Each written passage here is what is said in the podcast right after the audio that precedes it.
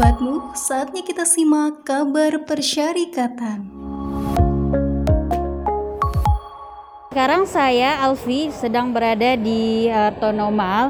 Sekarang sedang berada sedangkan Bapak Pak Dwi, Pak Dwi, Pak Dwi Oke. Santoso. Pak Dwi Santoso adalah uh, perwakilan dari Didaksmen PP Muhammadiyah. Oke, untuk pertanyaan pertama saya ingin melontarkan apakah kira-kira ekspektasi Bapak setelah mendengarkan film sebarusan dengan sinopsis sebelumnya? Ya, sesuai dengan yang saya lihat tadi ekspektasinya ya kadang-kadang apa yang saya dilihat di sinopsis itu hampir sama tapi ada surprise surprise-nya juga. Jadi yang uh, di endingnya itu tadi ya endingnya itu sangat menarik dalam artian ini ada satu uh, moral teaching yang luar biasa. Moral teaching di mana anak-anak itu uh, tidak boleh putus asa ketika mereka mencapai suatu tujuan atau cita-cita. Jadi tidak ada yang tidak mungkin. Nothing is impossible. Ya kalau mereka itu benar-benar tujuan dan apa yang namanya uh, rezeki atau yang namanya tadi apa tadi uh, nasib terus seperti yang tadi yang dikatakan di sunat itu kan dia tidak melihat bahwa ekspektasinya ternyata apa yang dia impikan selama ini tercapai dengan sesuatu yang tidak disangka-sangka.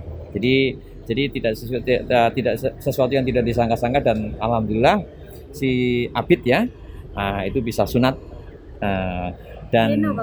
Oh Reno ya, Seno Seno ya, ya itu yang salah ah, Seno itu bisa sunat ya. Nah dari situ kan uh, sehingga anak-anak itu harus uh, berpikir bahwa nothing is impossible. Ketika mereka mem- mempunyai suatu cita-cita, cita-cita itu yang mereka inginkan harus dikejar semaksimal mungkin gitu ya. Jadi karena kan uh, kalau misalkan putus asa nggak mungkin akan bisa seperti itu. Dan tadi yang menariknya itu kan satu kata yang mungkin menjadi sebuah uh, pelajaran buat anak-anak semuanya adalah nothing is impossible. Tidak ada yang tidak mungkin kalau mereka berusaha. Insya Allah. Ya, nothing is impossible ya. Tidak ada yang tidak mungkin. Selama kita berusaha dan bersungguh-sungguh, insya Allah pasti akan Allah kabulkan.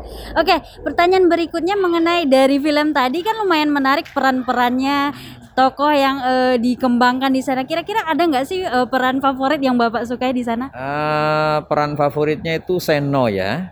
Seno itu bagus. Jadi cara apa namanya itu kayak su- sudah profesional, sudah profesional cara aktingnya juga sudah profesional dan nampak alami. Sama satu lagi yang saya tertarik itu yang si Temannya, bukan bukan si temannya Seno si Ruri. ibunya Abi apa ya? Tadi ya yang lucu itu ya, yang pas pada waktu makan. Abid. nah ibunya Abid itu jadi natural nanti lah maksud saya itu kalau bisa nanti ke depannya itu untuk mencari apa eh, pemain-pemain yang kira-kira natural.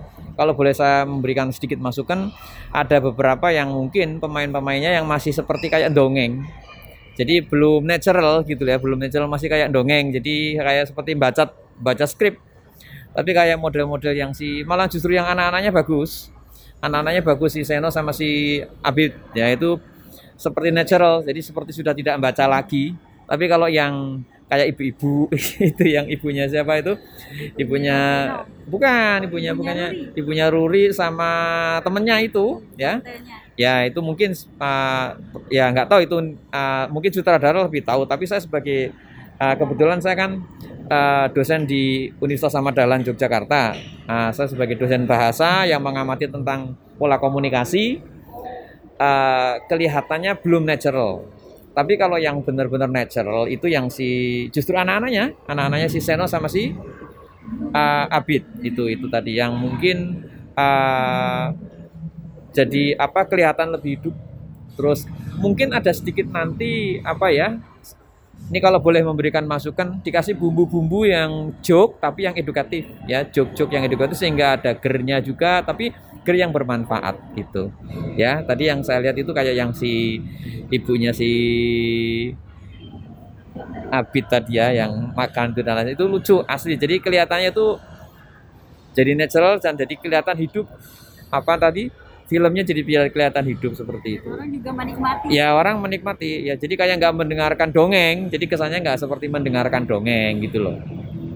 Oke Bapak, ter- terakhir nih, kira-kira apa pesan Bapak untuk Muhammadiyah ke depannya, terutama dalam dunia kesenian, dunia perfilman lagi? ya kami eh, saya kebetulan me- eh, mewakili majelis dikdasmen kebetulan ditunjuk untuk menonton film ini ya uh, majelis dasar majelis dikdasmen kan majelis yang uh, membawai pendidikan dasar dan menengah bahwa film-film seperti ini ini bagus. Jadi ketika kita menyampaikan pesan moral, pesan moral tidak perlu harus di sekolah atau di amal di model milenial seperti ini nampaknya cukup bagus kalau kita uh, menggunakan media-media yang disukai kaum kaum milenial media-media seperti short short film atau mungkin YouTube ataupun mungkin kayak TikTok. Apalagi sekarang ya TikTok itu kan sangat sangat ibaratnya viral sekali. Setiap hampir setiap anak itu lihat TikTok ya.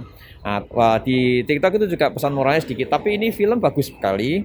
Jadi dari film ini mungkin uh, anak-anak bisa belajar tetapi secara tidak langsung sekarang saya yakin banyak sekali film-film yang apa namanya sudah diproduksi dan alam.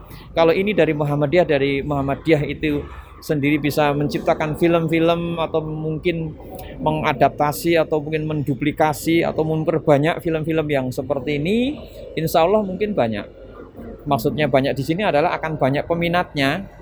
Karena film-film yang seperti ini bisa mendidik anak-anak itu uh, melalui pesan-pesan moral tetapi tanpa sengaja anak-anak itu melihat itu. Jadi dan itu lebih masuk. Lebih masuk daripada mungkin kita orang tua memberitahu kepada anak kadang-kadang anak-anak susah untuk diberitahu. Tetapi dari film-film itu pesan moral itu bisa masuk tanpa mereka sengaja. Tanpa mereka sengaja pesan moral itu bisa masuk dan benar-benar bisa mereka lakukan nanti biasanya seperti itu. Karena anak-anak secara psikologis kalau misalkan dikasih tahu sama orang tua itu justru agak sedikit susah.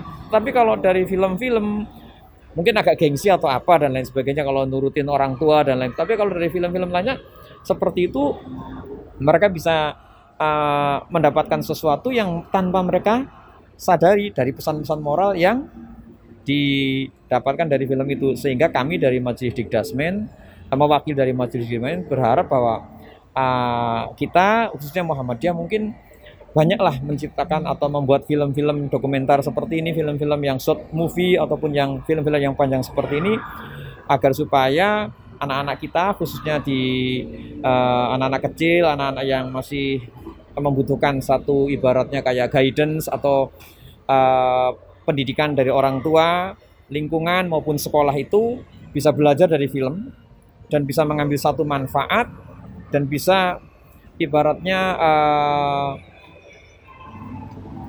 mendapatkan satu pesan moral yang nantinya mereka bisa laksanakan, mereka bisa jalankan, mereka bisa lakukan di dalam kehidupan sehari-hari sehingga mereka bisa mendapatkan uh, mencapai atau cita-citanya dengan baik dan benar, tetapi dengan rasa bahagia, tidak dengan paksaan, tidak harus disuruh itu, tapi kesadaran itu muncul dengan sendirinya. Nah, iya, ya, baik pak.